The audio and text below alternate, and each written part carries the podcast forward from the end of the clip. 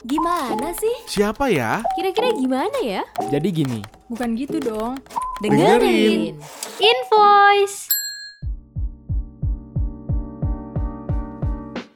Invoice. Halo sobat bisnis, selamat pagi, selamat siang, selamat sore, selamat malam. Balik lagi sama kita di Invoice-nya Bisnis Indonesia. Betul. Nah, kita akan melanjutkan episode kemarin nih yang sempat kita bahas. Waduh, kalau minggu kemarin kita bahas tentang prestasi India ya. Yes. Dan episode ini kita realisasikan dengan eh, kenapa India? Betul, karena kemarin kan kita ngebahas tentang ilmuwan ataupun juga intinya satelit Hmm, uh, yang sudah dihasilkan oleh beberapa ilmuwan di India yang sudah uh, berhasil mendarat di uh, bagian bulan yang pertama kali namun di dunia ini menjadi posisi keempat gitu. Dan kita juga ngejelasin uh, beberapa profiling dari ilmuwannya. Ya. Tapi kalau misalkan kita menilik gitu ya, kalau misalkan kita coba lihat uh, di perusahaan-perusahaan top dunia, khususnya teknologi gitu, Ya, ya, ya. pasti selalu mentereng nama-nama CEO yang berasal dari India. Nah, itu jadi pertanyaan kita. Apakah memang eh, ibaratnya ilmu pengetahuan di India itu jauh lebih maju, jauh lebih berbobot atau kalau gue sih ngeliatnya gini deh, dia em, kayak apa ya?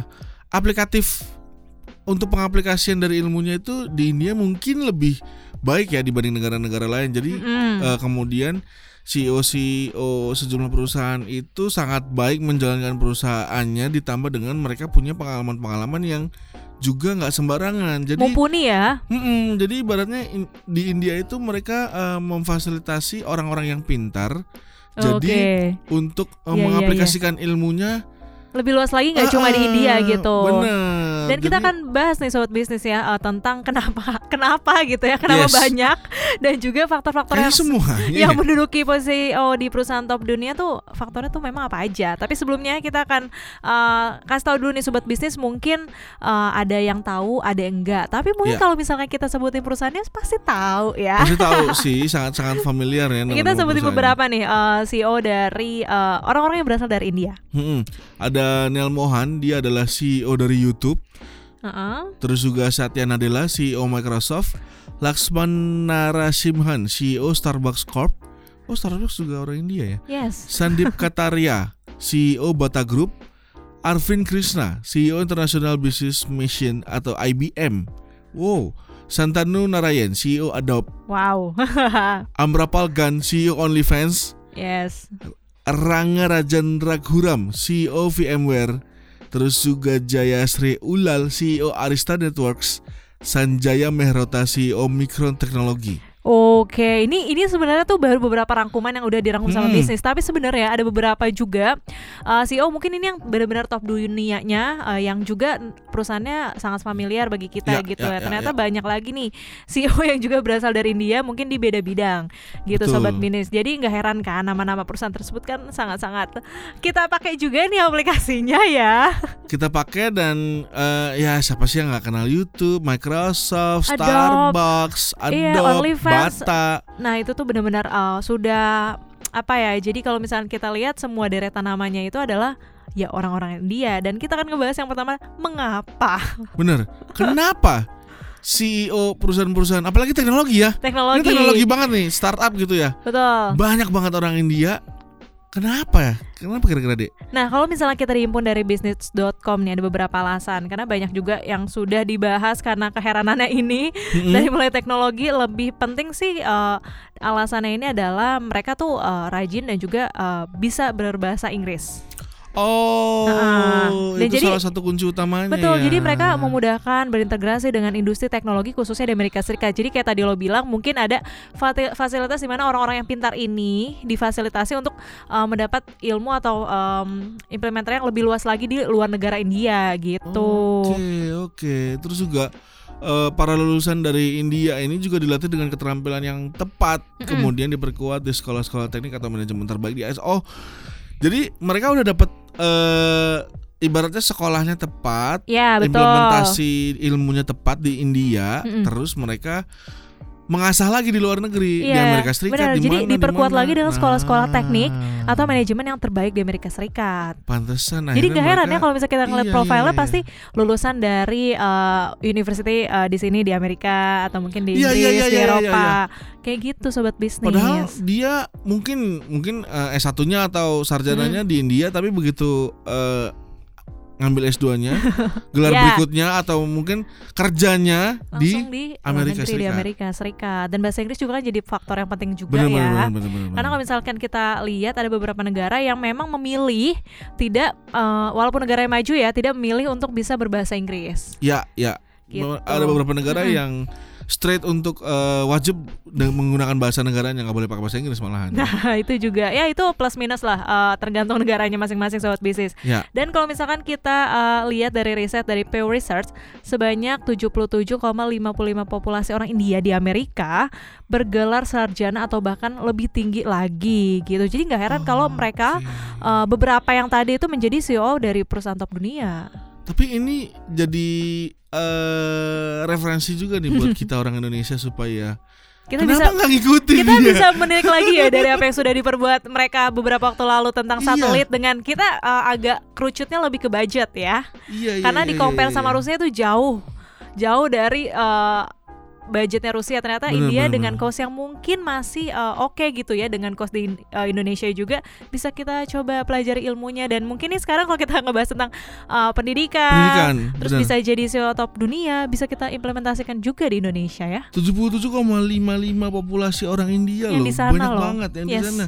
Bergelar sarjana atau bahkan lebih tinggi orang Indonesia di luar negeri Eh, banyak kan orang Indonesia mungkin nikah sama orang luar negeri atau justru bekerja dan eh, mencari uang di sana. ya Tapi bukan lulusan yang maksud maksud gue adalah bukan eh, untuk bekerja Ma- ma- eh, menggeluti bidang tertentu gitu ya Yes, menggeluti bidang tertentu dan jadi misalkan jadi ahli di bidang tertentu gitu. Enggak, malah bekerja kasar, pekerjaan kasar gitu di, di Iya, luar iya, negeri iya, gitu. Gue iya, malah iya. mempertanyakan itu kenapa ini terjadi agak-agak ironi ya, tapi ya ya Ya realitanya mungkin beda sistem kali ya dan ini juga harusnya bisa dipetik sih ya eh, bagi eh, pusat pendidikan dari Indonesia sendiri karena kan anak bangsa juga Hmm. banyak yang membanggakan gitu. Betul betul. Jadi eh, ibaratnya India ini jadi contoh banget lah karena sama-sama di Asia, Betul. sama-sama Penduduknya negara- banyak, Penduduknya banyak, eh, lebih, banyak, mereka malah. lagi.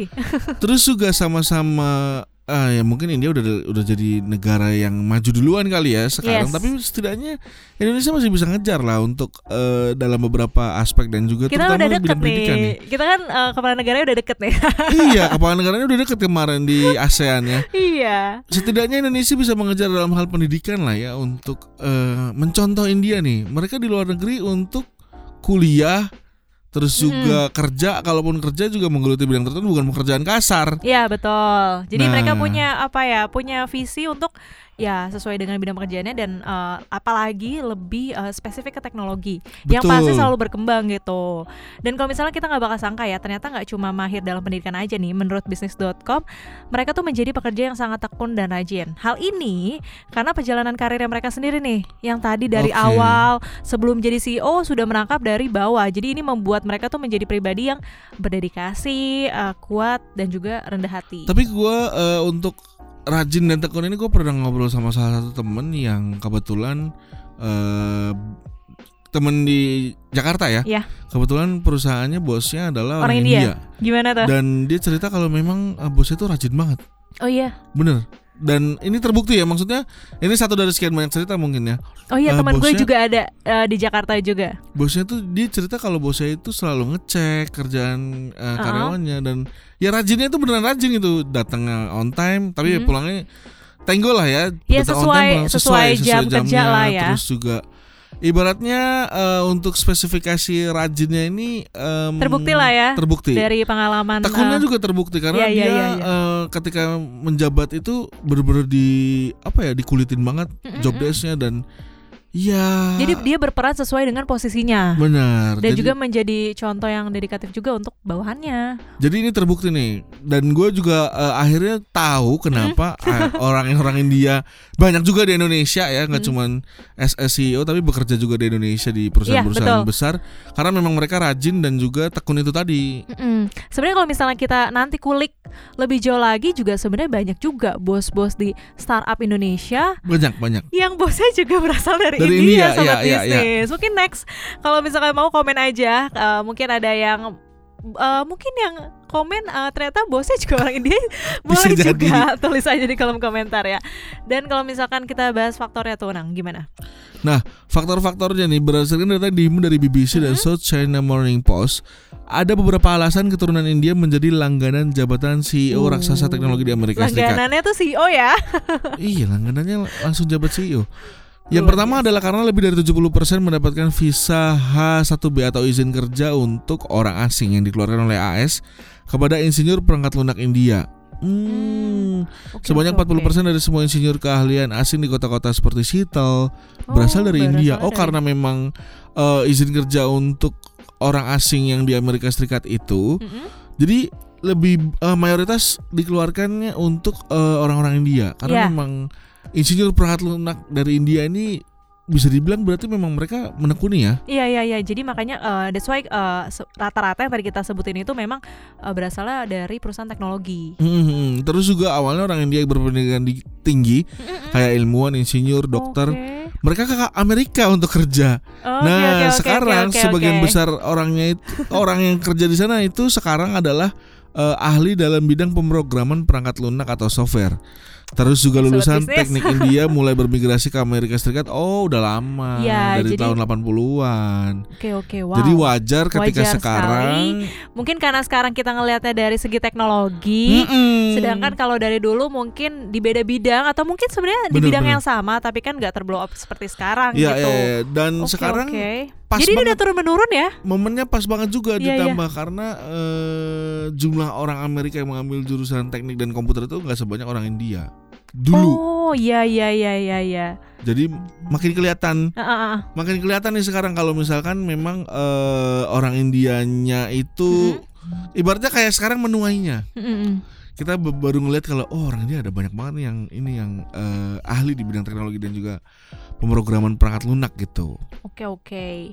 Dan juga nih ternyata menurut pensiunan partner dari McKinsey, Ashok Alexander, sepakat nih kalau misalnya persaingan di India sebenarnya eh, dalam segi pekerjaan juga ya kejam juga gitu loh di Oke. dunia kerja. Hanya sedikit yang berhasil lulus dengan nilai terbaik di Indian Institute of Technology.